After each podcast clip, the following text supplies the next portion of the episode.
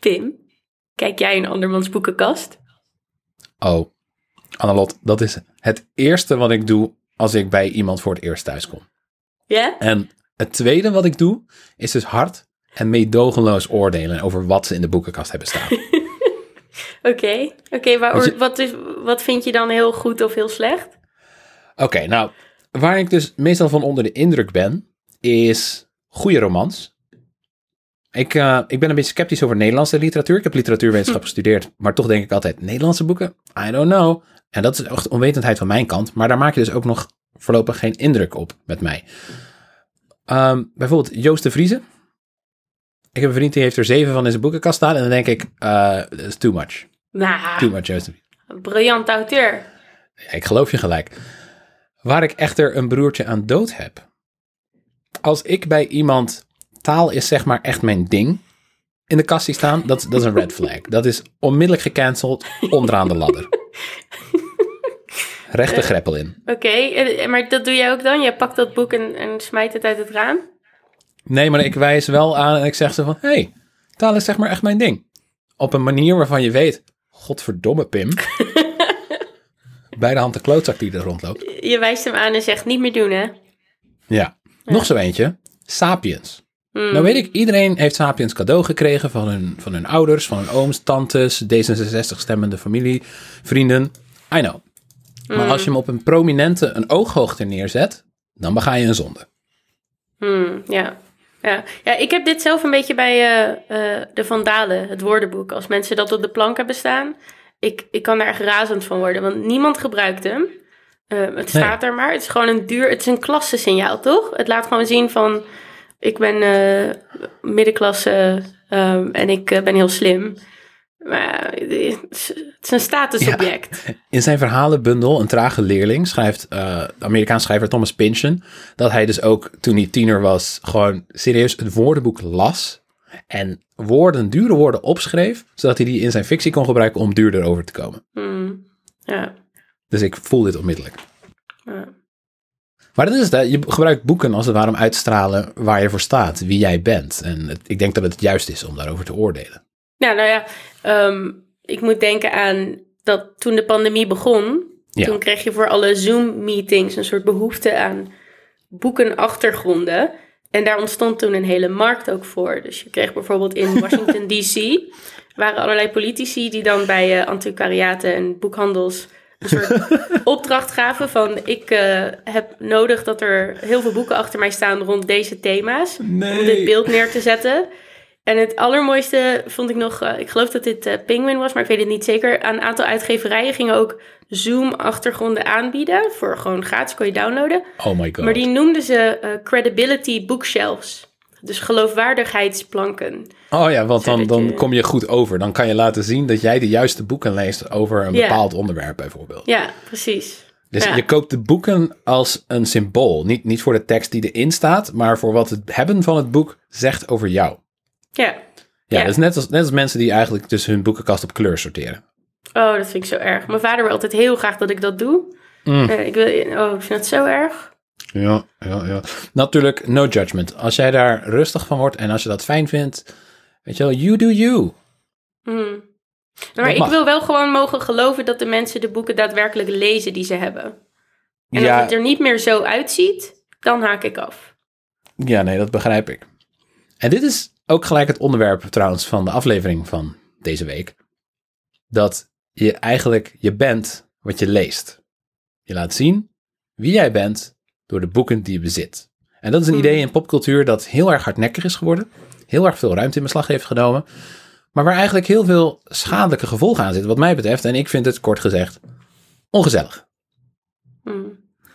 Daarom wil ik jullie even officieel welkom heten naar deze aflevering van Het Redelijke Midden. De podcast die 93% kreeg op Metacritic, maar na één seizoen al gecanceld werd. Dit seizoen halen we hardnekkige mythes aan in onze politiek of cultuur. We hebben het over mythes, populaire opvattingen, die zo hardnekkig zijn dat ze de linkse verbeeldingskracht verstikken. We ontmaskeren de onzin achter die mythes en zetten daar een alternatief tegenover. En die nieuwe denkbeelden moeten dan gewoon maar blijven herhalen tot ze gemeen goed worden. We hebben er al een aantal voor je uiteengezet in de vorige afleveringen en we hopen dat je ze aan iedereen in je omgeving blijft verkondigen. We kunnen een betere toekomst makkelijk betalen. Rutte 4 blijft hartstikke rechts. Ik had laatst nog iemand over de vloer die het tegendeel beweerde. Meritocratie is nep. Er is geen goede reden om rechts te zijn, tenzij je rijk, kwaadaardig of uh, niet zo netjes bent. En economische groei is uitzichtloos en onzinnig. En in plaats van therapie kun je eigenlijk beter Molotov cocktails leren maken. Ik ben Pim van den Berg en ik ben hier vandaag met Annelot. En vandaag vertellen wij bij welk Zwijnstein afdeling jij thuis hoort. Maar voor we dat gaan doen, Oh. je kunt ons sponsoren. Ja, Eh, dat willen we heel graag, want dan kunnen we van dit seizoen het beste ooit maken. Als je ons daarbij wilt helpen, surf dan nu naar petje.af slash het redelijke midden. Voor 3 euro per maand krijg je dan toegang tot al onze bonusafleveringen. Ook krijg je als kameraad van de podcast toegang tot de maandelijkse livestreams waarin we de actualiteiten doorpraten. Zo hadden we laatst een intieme bespreking van Cody Horstenbachs erotische roman Uitgewoond. Bovendien kun je dan plaatsnemen in onze Discord en die zit vol memes en kattenplaatjes. Eh, en tot slot kun je meeluisteren en discussiëren tijdens onze opnames. Voor 10 euro krijg je precies hetzelfde, maar krijg je ook de titel Salon Socialist. Daar krijg je dus dezelfde dingen voor, maar dan bedanken we je ook even persoonlijk in de eerstvolgende aflevering. ja. Mocht je nou bijvoorbeeld deze aflevering gewoon heel goed vinden, dan kun je ons ook eenmalig steunen met een bedrag naar keuze als blijk voor die waardering. Zijn we ook heel blij mee. En minstens zo belangrijk, vergeet niet al je linkse vrienden, familie en collega's te vertellen over onze podcast. Like, subscribe en deel op YouTube, Instagram en Twitter. Verander je kennissen in kameraden. Oké, vandaag hebben we het dus over populaire cultuur. En met name de enorme rol die het speelt in het vormen van onze zelfbeelden, onze gemeenschappen en onze politiek. We zeggen vaak van, het is toch maar, weet je wel, een film, het is maar een serie, het is maar een game, waarom is het zo belangrijk? Maar soms ben ik echt verbijsterd hoe weinig aandacht er eigenlijk uitgaat naar cultuurkritiek, als je bedenkt hoeveel tijd we allemaal doorbrengen in games, films, series, boeken en muziek, die allemaal onze blik op de wereld vormen, uitdagen en bovenal bevestigen. Het is al meer dan pff, vijf, zes jaar geleden toen ik een artikel las over BuzzFeed. Dat destijds echt nog heel erg populair was. En ieders Facebook-tijdlijn stond nog vol met welke Disney-prinses ben jij quizzen. Maar ik las een artikel over, erover op Vox. De oprichter van BuzzFeed schreef ooit Marxistische theorie en het verklaart BuzzFeed perfect, luidt de titel. En die kan je ook vinden in de show notes. En de oprichter van BuzzFeed, Jonah Peretti, dus tevens trouwens de broer van Brooklyn Nine-Nine's Chelsea Peretti en dus ook de zwager van Jordan Peele. Het is een netwerk mensen. Die herkenden namelijk in onze samenleving en populaire cultuur een belangrijke trend. Want volgens Peretti is ons zelfbeeld steeds meer opgebouwd uit de dingen die we zien in popcultuur. Je kent het gezegde, je bent wat je eet. Dan is er dus ook, je bent wat je kijkt. Door de jaren heen hebben vertrouwde stabiele labels zoals uh, ik ben een arbeider, ik ben een Calvinist, ik ben een liberaal, ideeën over wie jij bent, plaatsgemaakt voor een veel meer individualistische samenleving, waarbij we eigenlijk losgeweekt worden van de plaats en tijd waarin wij leven. We maken geen onderdeel meer uit van die stabiele, langdurige gemeenschappen die ons vertellen wie we zijn en hoe de wereld in elkaar steekt. Bij gebrek aan gemeenschap zoeken we onze weerspiegeling in onze beeldschermen. We baseren ons zelfbeeld steeds meer op de dingen die we zien in films, series, games en boeken. En dat is opzettelijk. Want het neoliberalisme heeft meer aan individuen dan aan groepen. Want individuen hebben geen macht en groepen wel. Zo zei Margaret Thatcher ooit: de samenleving bestaat niet, er is alleen een verzameling individuen. En het individu is juist paradoxaal niet autonoom, maar kwetsbaar, afhankelijk en onzeker. En in je eentje kun je gewoon niet zoveel. En ben je een makkelijker doelwit voor grotere machten om jou uit te buiten en uit te kleden. En dat verklaart dus ook het enorme, echt enorme succes van BuzzFeed destijds. Het voelde goed om jezelf even te vereenzelvigen als met een Disney-prinses. Maar die ideeën zijn te oppervlakkig om ons een stabiel en houdbaar zelfbeeld te geven. Want laten we wel wezen, een mensenleven is zoveel meer dan een prinses die 40 minuten schermtijd heeft in een Disney-film. En we gaan daarom gulzig op zoek naar steeds die te kleine hapjes zelfbevestiging die we vinden in popcultuur. Met een niet te stille honger naar meer, meer, meer. Want het is nooit genoeg. En zo wordt onze liefde voor popcultuur persoonlijk en bovenal individueel gemaakt. En maken op hun beurt de cultuurindustrie van ons zelfbeeld een verdienmodel. En zo wordt je bent wat je kijkt een gevangenis waar we zelf voor betalen. En om daarmee te breken, graven we eerst eens in hoe individualistische popcultuur en beroemdheden als mascottes van de ongelijkheid, zoals Anne Lotte graag noemt, ons in zo'n kwetsbare positie hebben geplaatst. En daartegenover gaan we juist even kijken hoe gemeenschappelijk populaire cultuur in werkelijkheid is. Zelfs al is dat makkelijk om te vergeten, omdat we het eigenlijk allemaal tegelijkertijd in ons eentje doen. Het wordt tijd dat we die groep om ons heen meer in het vizier krijgen. En zoals Dr. Strange zegt, let Walter Benjamin this crap. Je, je noemt al even boeken, film, tv, muziek, games. Uh, eigenlijk allemaal onderdeel van popcultuur. En waar ik meteen dan aan moet denken is dat er ook, zolang er popcultuur is, al paniek over popcultuur is. Mm. En als ik dan denk aan bijvoorbeeld de uitvinding van de boekdrukkunst, dan moet ik wel eens denken aan uh, uh, oude psychologische stukken die ik daar dan over zag. Waarin um, psychologen vooral families waarschuwen hun dochters niet uh, aan het lezen te krijgen. Want ja. als die dochters gaan lezen, dan gaan ze misschien wel zelf boeken kiezen. En dan kunnen ze rare ideeën daarvan krijgen die niet meer onder controle zijn in, van de familie en de gezinsstructuur. Ja, dat zegt Castel ook altijd tegen Bel. Ja, en dat, was dus een, dat is een beangstigend idee. Want dan gaan ze misschien wel erachter komen dat ze helemaal niet zo blij zijn met hun positie of situatie. Of uh, dat de wereld er ook anders uit zou kunnen zien. Ja, um, dus door boeken krijgen ze eigenlijk perspectief en gaan ze meer om zich heen kijken. Precies, en, en dat was dan een angst. Hè? En tegelijkertijd heb je een andere angst. Als ik dan denk aan de uitvinding van de langspeelplaat bijvoorbeeld. Ja. Daar kwam een soort tegenovergestelde angst uit. Uh, waarbij heel erg gevreesd werd dat mensen niet meer samen muziek zouden gaan maken op het plein. Maar alleen nog maar binnen in hun eigen huizen naar hun eigen muziekjes zouden gaan luisteren. En dus dat hele uh, gemeenschapsgedeelte van die gemeenschappelijke ervaring van muziek um, zou verdwijnen in ruil voor mensen die alleen nog maar met hun eigen dingen bezig zijn. Dus juist een vernauwing van, van de ervaring van de wereld. Dat, dat is heel interessant, want bijvoorbeeld, wij weten dat allebei, is dat het luisteren naar muziek onze liefde om muziek te maken ook echt aanwakkert. Ja, in mijn ja zeker. Maar, maar uh, met de uitvinding van de langspeelplaat ontstaat er ook een muziekindustrie, waardoor de kans dat jij een leven kan bouwen rond het maken van muziek steeds kleiner wordt, omdat ja. er een professionele groep muzikanten ontstaat die best klein is, waar jij niet zo makkelijk in zou kunnen breken. Terwijl daarvoor het veel meer iets was van, nou, elk dorp had een groepje muzikanten en die speelden gezellig dan uh, bij de feestjes op het plein. En dat was helemaal niet zo'n industrie zoals die nu eruit ziet. Dus er, dus ontstaat jij... eigenlijk een muzicerende klasse. Ja, en, en inderdaad, dus er ontstaat een scheiding op dat moment tussen muzikale en niet-muzikale mensen, ja. die er daarvoor niet zo was. Dus dan creëer je eigenlijk als categorie de passieve consument. Precies, precies. En die, die angst van uh, wat popcultuur doet met onze relatie tot de maatschappij, tot politiek, uh, tot onszelf en elkaar, die is dus heel oud, maar die verandert wel steeds.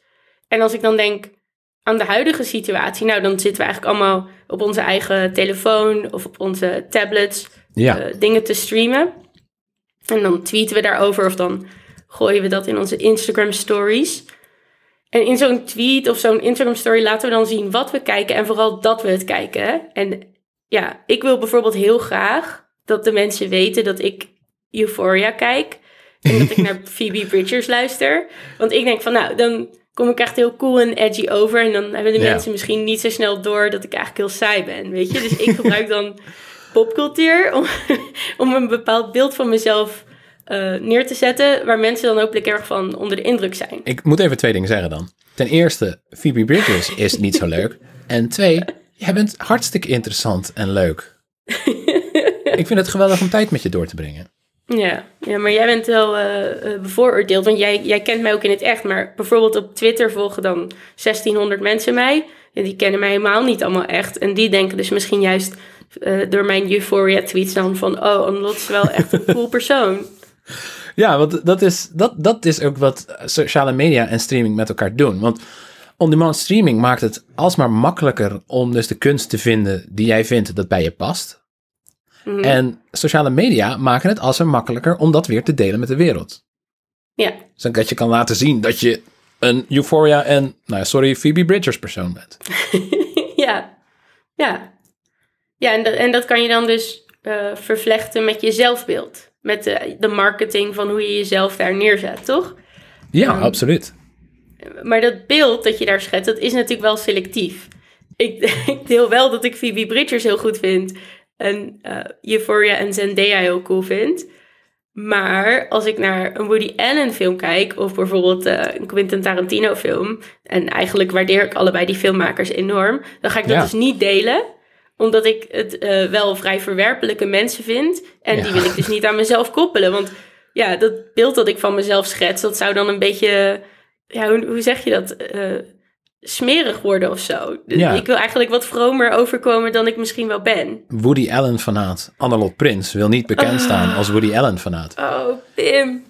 Roman Polanski liefhebber Pim is het met je eens. Oh my god, oh my god. Ja, dit is toch erg. Maar ik vind het dus ook heel interessant dat we zo'n sterke, of dat ik in ieder geval hier een hele sterke reactie heb van, oh, dit moet je echt niet zeggen. Oh, wat erg. Nee. Ja, ik heb een, eh, een artikel geschreven voor Vrij Nederland ook eh, over. De titel is ongeveer waarom we ons Kanye West zullen herinneren als muzikaal genie. En hij maakt het elke keer moeilijker. Ja, en het is zo jammer. En dat is echt een goed voorbeeld ook, want ik luister heel veel muziek en ik deel dat heel graag in mijn Instagram stories, zoals jij weet. Maar Kanye West zou ik daar dus niet zo snel delen, inderdaad. Niet meer, En nee. Michael Jackson ook niet. Dus ja, als ik naar dingen wil eh, luisteren waarvan ik het idee heb dat andere mensen mij dan misschien een slecht mens zouden vinden, dan zet ik even de vliegtuigmodus aan. Ja, ik zal ook niet zomaar op een podcast verkondigen dat ik nog steeds naar R. Kelly luister. Oh, wat erg.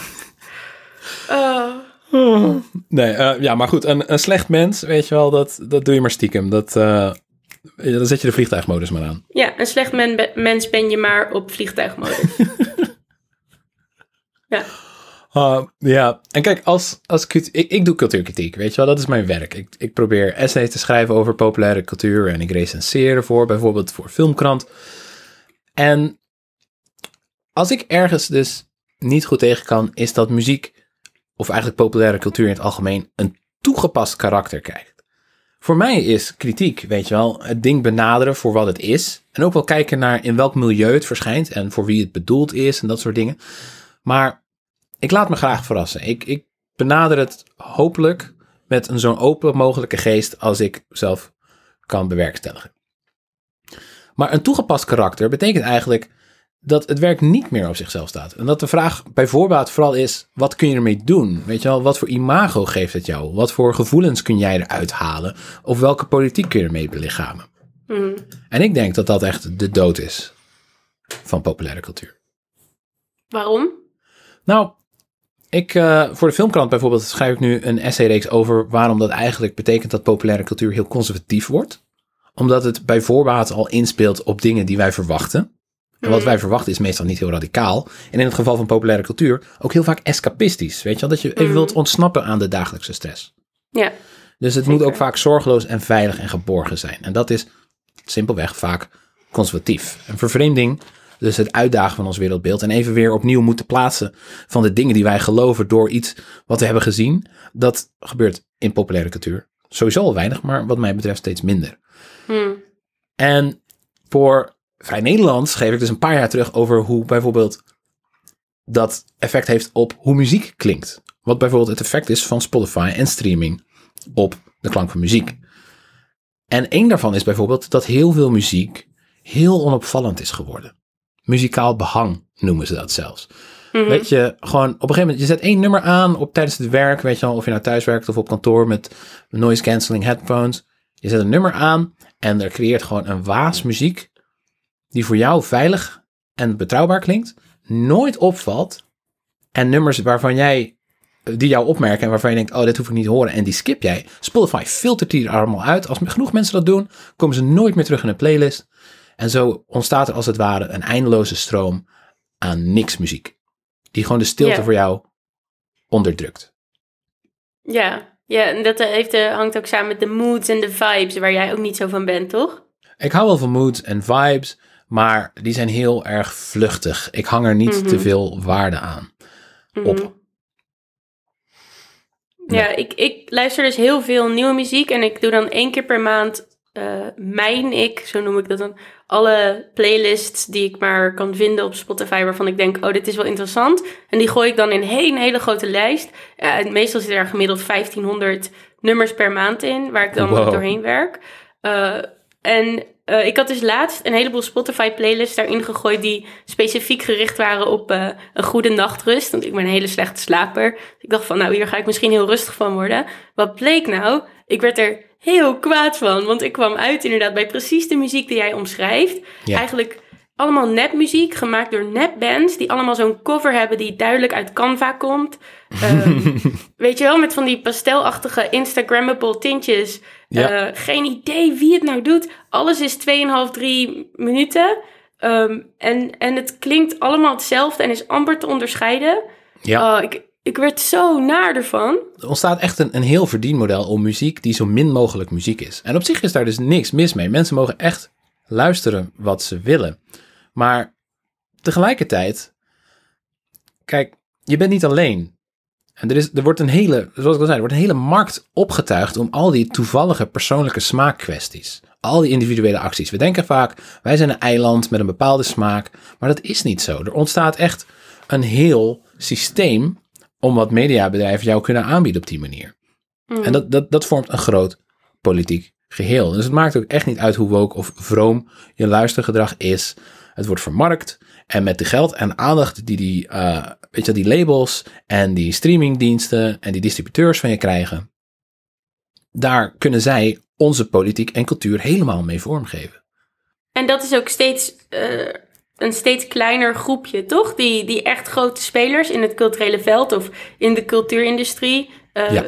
Een mooi begrip waar we volgens mij een kennis met Dennis over hebben opgenomen, die ik de luisteraars erg wil aanraden te luisteren. Ja. Um, dat is, een steeds, dat is echt een geconcentreerde kleine groep mensen die heel veel te zeggen heeft over onze cultuur. Klopt, ja. Bijvoorbeeld het marktaandeel van Disney wordt in alle aspecten van, je, van de populaire cultuur groter en groter en groter. Ze hadden bijvoorbeeld een paar jaar terug Fox overgekocht. Een enorm mediaconcern. En het is eigenlijk absurd dat het Amerikaanse mededingingsrecht daar niks tegen gedaan heeft. Dat ze daar geen stokje voor hebben gestoken. Want eh, ineens, weet je wel, heeft Disney een, een enorme filmbibliotheek erbij. En veel meer invloed in de journalistiek en zo. Het is dood, doodeng. En bovendien nemen ze daarmee ook een concurrent weg. En zo krijgt Disney steeds, met dat geld in die invloed die ze krijgen, steunen ze bijvoorbeeld, en dat was afgelopen maand een best wel big deal. Heel veel geld geven ze aan homofobe transfobe, queerfobe, republikeinse politici. Bijvoorbeeld in Florida is daar een heel nare wet, Don't Say Gay, doorgevoerd met hulp van het geld dat Disney geeft aan de Republikeinse Partij. En dan gaan vervolgens, weet je wel, het personeel van Disney gaat dan de straat op uit protest tegen wat hun werkgever doet. En dan heeft de grote baas van Disney nog het lef om te zeggen dat uh, we zijn eigenlijk een heel erg progressief bedrijf. Kijk naar onze visitekaartjes, weet je wel, uh, Moana en de nieuwe Frozen en allemaal van die feministische prinsessen van kleur die verhalen vertellen die je nog niet eerder had gezien. Ja, nou ja, en je komt daar wel bij een mooi onderdeel, want dat is natuurlijk waar ik uh, onderzoek naar doe. Popfeminisme, populair feminisme in popcultuur. Um, en daar zie ik ook deze paradoxen. Dus je hebt bijvoorbeeld uh, Taylor Swift, die uh, heel lang trouwens geen politieke uitspraken deed. laten we dat nooit vergeten. Veel later dan heel veel andere artiesten. Uiteindelijk zei ze van, nou, ik ben democraat en ik ben vooral tegen de republikeinse senator Marsha Blackburn. Ja. Zeer terecht, Marsha Blackburn een verwerpelijk persoon. Die echt tegen alles is, nou, van abortus tot um, rechten voor vrouwen en mensen van kleur, et cetera. Gezellig. Um, ja, maar toen is Taylor bij een nieuw label gegaan, waar ze ha al haar albums opnieuw opneemt. Want die masterrechten is ze verloren aan haar oude label. En nou, zij claimt dit ook als een soort daad van feminisme. Snap je? Van, ik ga dit gewoon allemaal opnieuw opnemen, want het is van mij en het is mijn muziek. Dus tot op zekere hoogte waard verdiende natuurlijk ook heel veel geld daarmee. En dat nieuwe label kwam dus uh, vorige maand, oh nee, in januari in het nieuws, omdat de directeur en een heleboel uh, mensen die bij dat label echt goede posities hadden en het label zelf allemaal de grenzen hadden overschreden van uh, gepaste hoeveelheden, toegestane hoeveelheden geld om te doneren aan oh, politieke oh, campagnes. voor de campagne. En ja, iets daarin is toch zo verschrikkelijk dat Taylor Swift-fans denken: oh, goddank, ze is progressief net als wij. Ze is een feminist en ze. Maar het geld ligt niet. Precies. Het geld uh, wat je dus uiteindelijk aan al die nieuwe Taylor Swift streams uh, geeft, dat gaat dus naar de campagne van Marsha Blackburn. En dan kan Taylor wel posten van ik ben hier tegen en iedereen moet op iets anders stemmen. Maar we weten allemaal dat campagnes in Amerika heel lekker gaan op donaties. En dat ja. die Instagram posts uiteindelijk veel minder weer uitmaken. Ja, ja.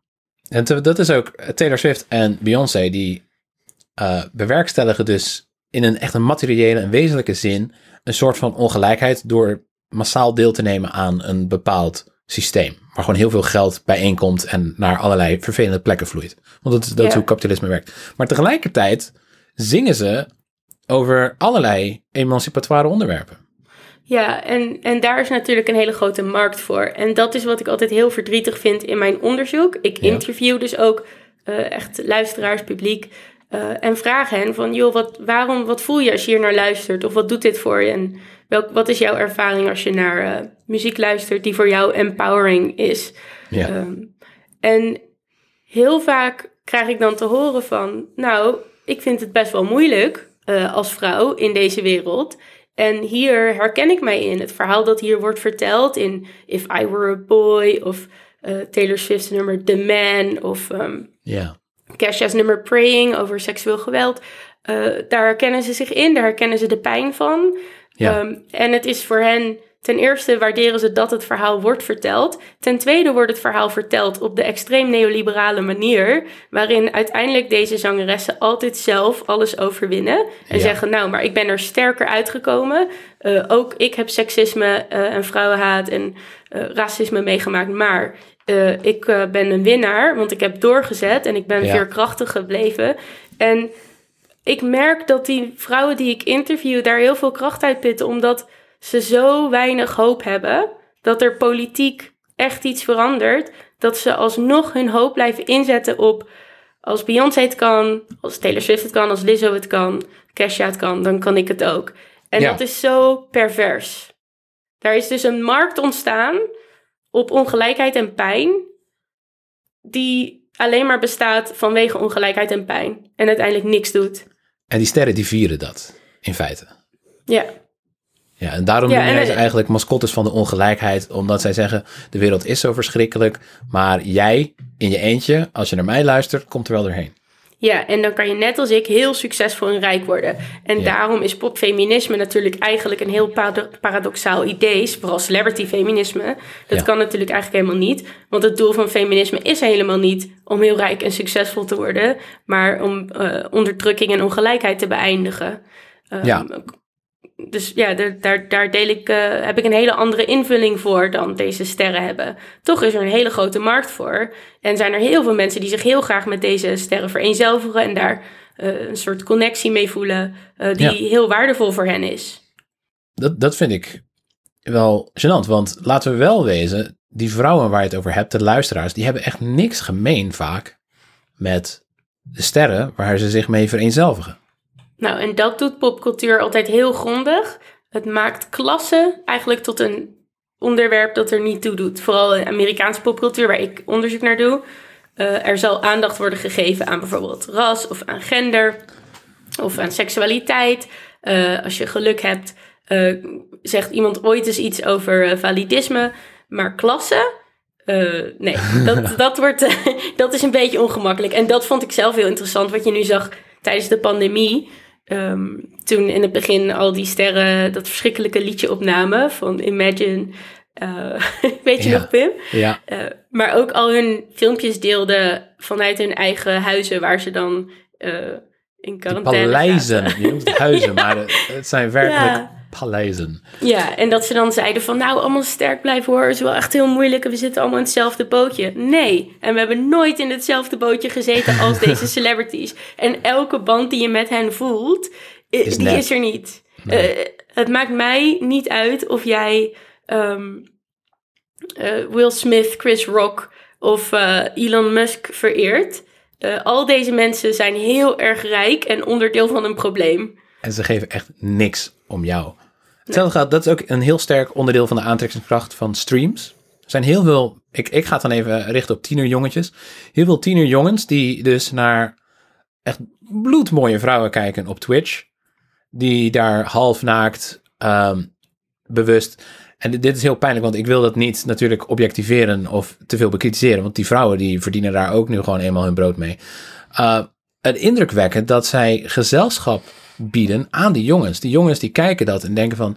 Ah, ik kan tijd doorbrengen met deze mooie vrouw. En die geven, dan haar, die geven haar dan geld in de hoop op aandacht. Echt vaak tientallen, honderden dollars.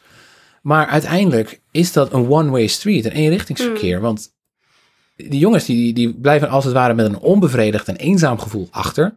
Het is nooit genoeg. Als het ware, ze krijgen niet de aandacht waarvoor ze kijken en die ze verlangen. Maar aan de andere kant gaat al dat geld wel één kant op en creëer je een soort van ja, verdienmodel om die eenzaamheid, om die Ja, ongelijkheid. ik vind, ik vind het heel mooi dat je eenzaamheid zegt. Want ik denk dat daar inderdaad echt een kern zit. Dat er dus een markt is voor herkenning, voor identiteit. Voor precies dat idee dat die mensen die ik interview omschrijven van... ik heb een plek in de wereld en Mhm. dat zie ik hier vertegenwoordigd. eh, dat die heel erg samenhangen met een enorme vervreemding, een eenzaamheid, een uitzichtloosheid van eh, het wordt niet meer beter. Ja, want in onze, in onze Discord tijdens de opname nu wordt bijvoorbeeld gevraagd: hoe zit het dan met live muziek? Want je zou denken, live muziek is heel erg gemeenschappelijk. Vult, vervult dat dan geen ander doel? Is dat niet een moment waarop wij, als het ware, de gemeenschappelijke karakter van populaire muziek en populaire cultuur weer meemaken? En ik weet het eigenlijk niet. Want ja, bijvoorbeeld hoe iedereen, en sorry dat dit een beetje als een cliché klinkt natuurlijk, op hun smartphone zit Mm. en het concert vastlegt voor zichzelf. En dan begrijp ik natuurlijk, vooropgesteld dat het voor sommige men- mensen de meest acceptabele of gewoon gemakkelijke, veilige manier is om een concert mee te maken. Maar tegelijkertijd, als jij een telefoon boven je neus hebt hangen, is dat niet fijn voor de persoon achter je. Het is een heel individuele belevenis. Misschien zelfs een egoïstische van een concert. Nou, ik, ik, zag, ik was dus van de week nog bij een concert en toen stond er iemand helemaal vooraan. Het was een heel klein zaaltje, 50, 60 man. Ja. Eh, ik was naar The Weather Report. Ik raad iedereen aan eh, hun album Ignorance te luisteren, dat is heel mooi. En iemand stond dus helemaal vooraan, een hele oudere man, die had zijn digitale camera bij zich. En die hield die echt ongeveer in het gezicht van de zangeres.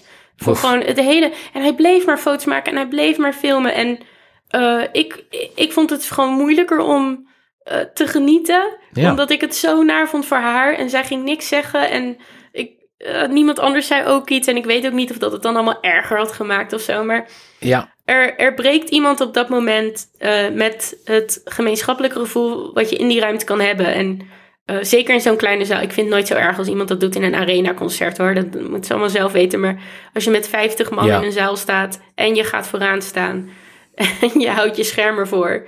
Ja, ik, het maakte me wel verdrietig. Ja, zo ehm, heeft bijvoorbeeld de muzikant Mitski, wier Working for the Knife mijn favoriete nummer van vorig jaar was, gepleit van stop alsjeblieft met filmen tijdens mijn optredens. Want eh, bijvoorbeeld, het schijnt dus dat mensen daar massaal dus filmen en roepen mommy, omdat ze persoonlijke aandacht willen. En ik denk dat het ook een soort van emotioneel of seksueel ding is of zo. Eh, werd niet heel erg goed ontvangen, die oproep, volgens mij. Hmm. Nee, er werden heel veel mensen heel boos van en uiteindelijk heeft ze hem verwijderd. Ja. Ehm, ik denk dat in sommige situaties dit ook wel heel leuk kan zijn. Ik weet dat er een eh, Taylor Swift concert was waarbij een van haar nummers heeft een soort, ehm, hoe noem je dat, een aftelmoment. Weet je wel, dat je zo eh 4, 3, 2, 1. Ehm, en eh, al die fans, die Swifties die in de zaal zaten en hier bekend mee waren door social media, gingen op dat moment heel hard roepen: 4, 3, 2, 1. En ehm, dat, op een gegeven moment merkte je dat Taylor daar dan ook op ging wachten en dan op Ja. reageerde. En een soort van contact. Dus daar ontstond ook een heel mooi. eh, in ieder geval, ik, elke keer als ik dat zie, word ik zo blij van. Oh, wat cool. Zij hebben iets toegevoegd aan, het, aan de show. Ja. Eh, de, de artiest is er blij mee en er ontstaat een soort nieuw ding. En dat denk ik is, ja. dat is prachtig. En sowieso ook live muziek bezoeken is natuurlijk meestal, in ieder geval voor mezelf sprekend, echt een hele mooie ervaring voor mij. Van echt je verbonden voelen met de mensen om je heen en de wereld. En eh, eh, het echt samen.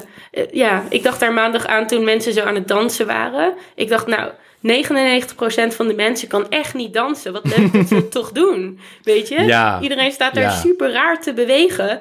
Nou, daar word ik zo gelukkig van. En dan ben ik zo blij dat er een ruimte is waar we allemaal raar bewegen. Ja. eh, en heel blij zijn met elkaar. En, en eh, het helpt ook dat wel dat je dan... ervaren. Ik heb bijvoorbeeld voor mijn karaokeavonden, die ik al de hele pandemie niet heb georganiseerd en ik mis heel erg, heb ik een regel. Niet filmen. Omdat je je veel makkelijker veilig kan voelen wanneer je weet dat wat je doet niet op andermans tijdlijn belandt, zodat zij zich kunnen profileren op een bepaalde manier. En dat, dat je dan ook weer gadegeslagen wordt door vreemden. Dat, dat Ja. herbergzame gemeenschappelijke gevoel gaat wat mij betreft een beetje verloren als het juist wordt blootgesteld aan een grotere gemeenschap.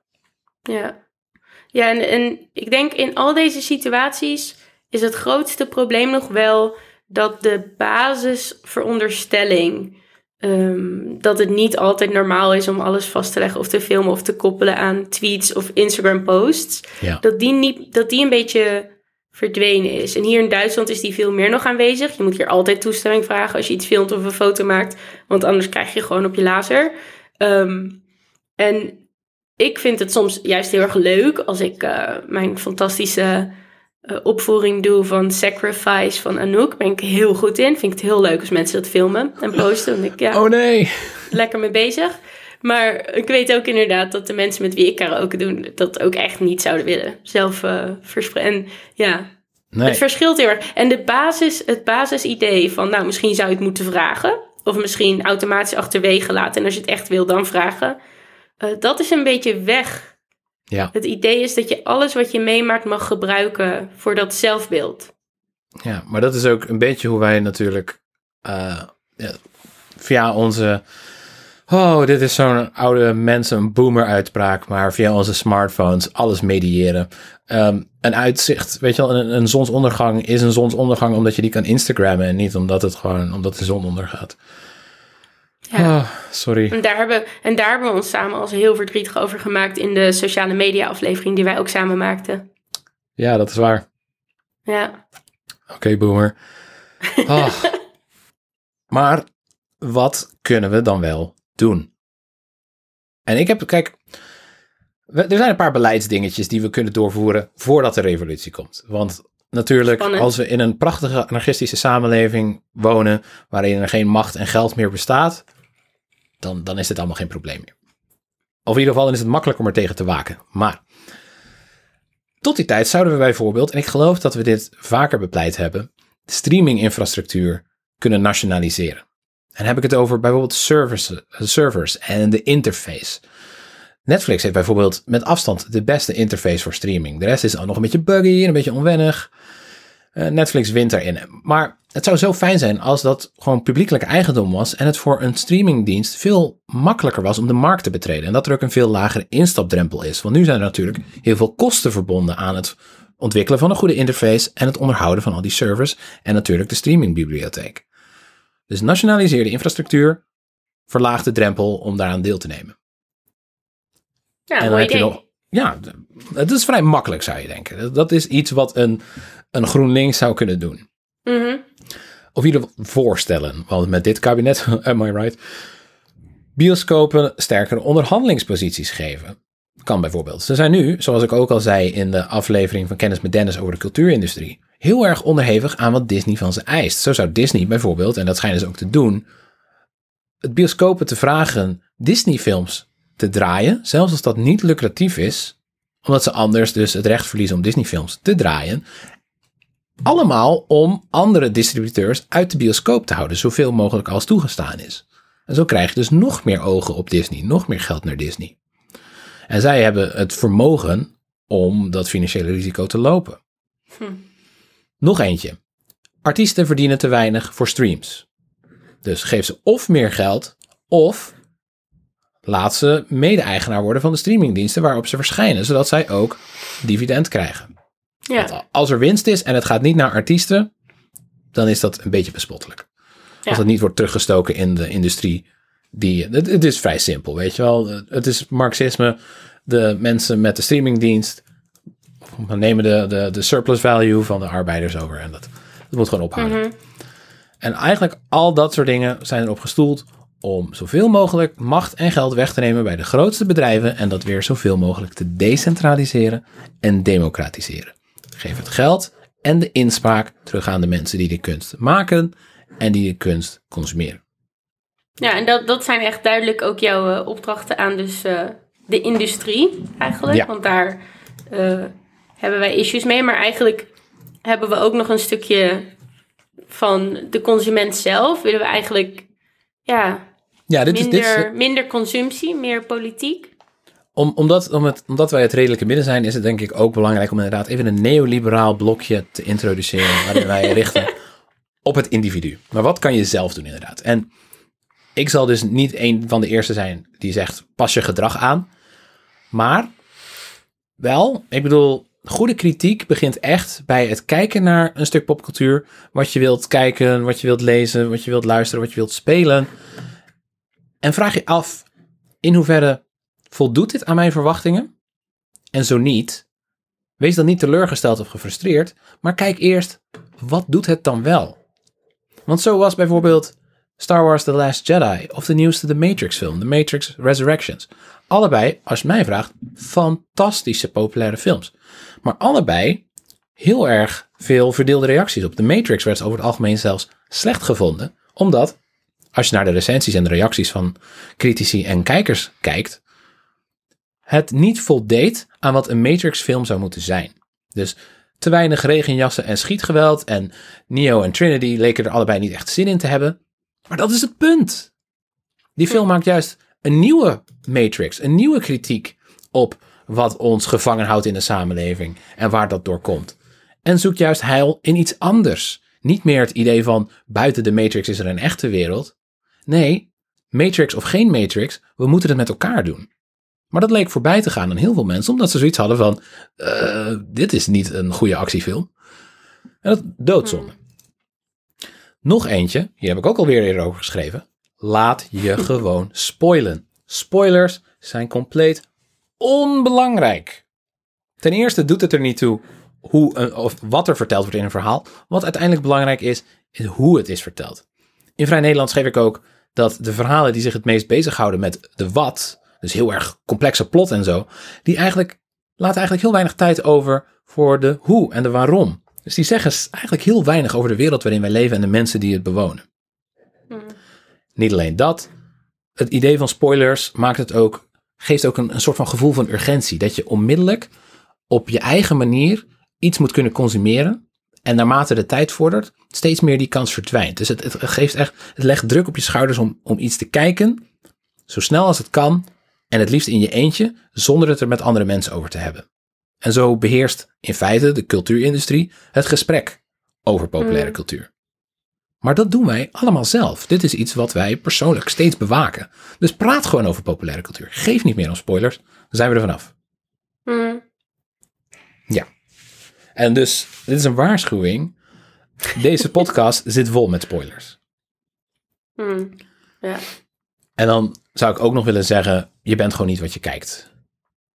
Weet je wel, laat die persoonlijke verbintenissen los zover als je kan. Wees je bewust van dat je in een ongelijke verhouding zit met veel te rijke mensen die echt geen zier om je geven. Zoals Annelet ook, zoals Annelot, wat is Annelet? Zoals Annelot eigenlijk ook al uitgebreid heeft verteld eerder. Ja, ik denk van het is heel fijn dat je een thuis kan vinden en je geborgen kan voelen in populaire cultuur. Maar laat je niet in het ootje nemen. Weet je, jouw pijn is niet een markt. En Mhm. het is niet eerlijk als het zo benaderd wordt. En Ja. vergeet gewoon niet heel veel politieke eisen te hebben die voorbij gaan aan die tijdelijke ontsnapping en opluchting van je ergens in herkennen. Ja, ja trap er niet in. Dan nog eentje, dit is makkelijk. Bezoek meer lokale kunst- en cultuuruitingen. Weet je wel, zoek het, als je het lokaal zoekt, dan gaat het, dat geldt ook meestal naar kleine organisaties en lokale artiesten. Dit is een cliché, sure, en je verandert er de wereld niet mee. Maar elk kaartje dat je koopt voor bijvoorbeeld een lokaal theatergezelschap of een filmhuis, dat helpt toch wel. En tot slot, Annelot, dit vind jij denk ik ook een mooie. Piraterij is mooi en goed. ja. ja, alles jatten. Ja, want bijvoorbeeld Disney heeft Fox overgenomen. En Fox heeft een hele mooie bibliotheek met oude films. Die je nu waarschijnlijk nooit meer te zien krijgt. Omdat ze niet gunstig zijn voor Disney's imago om ze te vertonen. Of misschien zijn ze niet rendabel. Maar piraterij is dus een manier, naast bibliotheken bijvoorbeeld, om een archief bij te houden. Om een kanon bij te houden. Om het aanbod opener en vrijer te houden. Ja. Niet alleen dat. Het kan, je kan het ook vaker kijken op manieren die jij fijn vindt. En niet alleen op manieren die worden aangeboden, nogmaals, omdat ze rendabel zijn. Piraterij is misschien diefstal. En het is echt belangrijk dat mensen betaald worden voor hun kunst. Maar tegen grote industrieën is het echt een democratiserend middel. Mhm. Ja, en het punt is natuurlijk ook ehm, dat bij veel dingen op dit moment de artiesten dus ook niet helemaal betaald krijgen voor wat ze doen. Als we kijken naar een Spotify eh, of eh, een Netflix, Ja. dan, dan zitten daar hele duidelijke ehm, industrieën achter die heel veel betaald krijgen voor wat er gebeurt. En de artiesten zelf een stuk minder. Ja, Vooral als het is- kleine, kleine initiatieven zijn, dan, dan kan je daar niet eh, van rondkomen. Het idee is namelijk, en dat wordt ons al jarendag ingeprent, is dat elke film of dvd of game die jij steelt, zogenaamd een gemiste koop zou zijn. En dat je dan handen uit geld, eh, dat je dan geld uit handen van de artiesten steelt. Maar dat is helemaal niet waar. Het systeem is ook niet eerlijk voor hen. En bovendien, zeker als wij naarmate we steeds minder te besteden hebben en steeds onzekere levens eh, leiden, is het ook moeilijker voor ons om geld te steken in die cultuur. Dus dan is dit nog een bepaalde vorm alsnog te participeren. En als ik nu voorgoed gecanceld word door eh, filmdistributeurs in Nederland, het spijt me. Maar het, moest gezegd worden. Ik vond eh, het wel mooi om dan af te sluiten met iets wat Mirjam Rasch, filosoof en schrijver in Vrij Nederland, zei vorige week. En we hebben het nu heel erg gehad over zelfstandigheid, schijnzelfstandigheid. Dat je als individu met smaak een eiland bent en dat je een bijzondere relatie hebt en dat je je bevrijd kan voelen door de popcultuur die je consumeert. Maar die afstand nemen, dat is misschien waar het begint. En zij zegt over autonomie, waar ze een boek over heeft geschreven, dat zelfonderzoek, daarin zit de autonomie. Nagaan welke dynamieken op je inwerken en vervolgens onderzoeken hoe je daarop zou willen reageren. Ik denk dat daar inderdaad kritiek begint en ook een gezonde verstandhouding met onze populaire cultuur. Hm, mooi. Dat heeft Mirjam mooi gezegd. Ja, links in de show notes. Alles wat we hebben gezegd staat in de show notes. Annelot, Ja, Pim. Annelot, wat is het, eh, het redelijke midden van deze week? Nou, dat zal ik jou vertellen. Het redelijke midden van deze week komt van Emma. Eh, we hebben in de Discord een HRM van de Week kanaal waar betalende luisteraars hun eigen redelijke middens opperen. Dus- Wederom een dus voor de duidelijkheid, zij, zij betalen zodat wij hun ideeën kunnen stelen? Ja, ja. Ja. Zo, zo doen we dat. Het is een heel mooi eh, verdienmodel. Ja, gaat door. Eh, dus geef ons ook je 3 euro per maand. Eh, en dan mag je ook meedoen met ons dingen leveren die wij dan jatten. Emma's redelijke midden van de week is... alle entertainment gemaakt in Nederland is automatisch NPO-eigendom. ja, en dan moet dus ook wel NPO publiek eigendom worden. Ja, ja, ja. Dat, Dat vind ik wel een mooie verlengde daarvan. Nice. Ja, nou bedankt Emma. Goed idee. Nou, dat was het voor deze week. We willen jullie eigenlijk ontzettend bedanken voor het luisteren. Het, is, het klinkt als een formaliteit, maar we menen het echt. Het is echt een voorrecht om dit te kunnen doen en met jullie in gesprek te kunnen gaan hierover. Want zeker ik heb hier de afgelopen jaren zoveel van geleerd. Mocht je bijzonder genoten hebben van deze aflevering, deel hem dan met je geliefde, vrienden, familie, collega's en kennissen. Maak van je kennis een kameraad. Maak van je kennis een kameraad. Je kunt ons dus steunen op eh, puntje- petje.af slash het redelijke midden. Maar daarvoor verwijs ik je gewoon weer naar het begin van de aflevering. Volg ons op twitter.com slash redelijke midden en instagram.com slash redelijke midden. Vragen, complimentjes, memes of ideeën voor nieuwe afleveringen kun je ons sturen via de DM of de mail het redelijke midden at gmail.com. Als je dit hoort en denkt, ik heb nog nooit het redelijke midden mailtje gestuurd. Doe het. Doe het gewoon. Zelfs al staat er niks in. Zelfs al is het een meme. Het redelijke midden at gmail.com. Ik kijk Alle- elke zondag. Ik kijk gewoon constant. Ik heb mijn mail-app op eh, goddeloze tijden aanstaan. om- Omdat ik gewoon echt een beetje eenzaam ben en hongerig naar aandacht. Dus mail ons. Ma- Mail Pim lieve woorden, mooie gedichtjes, alles. Annelot kun je dus volgen op eh, Twitter en Instagram. At Lennart Spion. En mij kun je alleen op de Discord vinden, dus word maar snel kameraad. Tot over twee weekjes. Dankjewel voor het luisteren. Houdoe!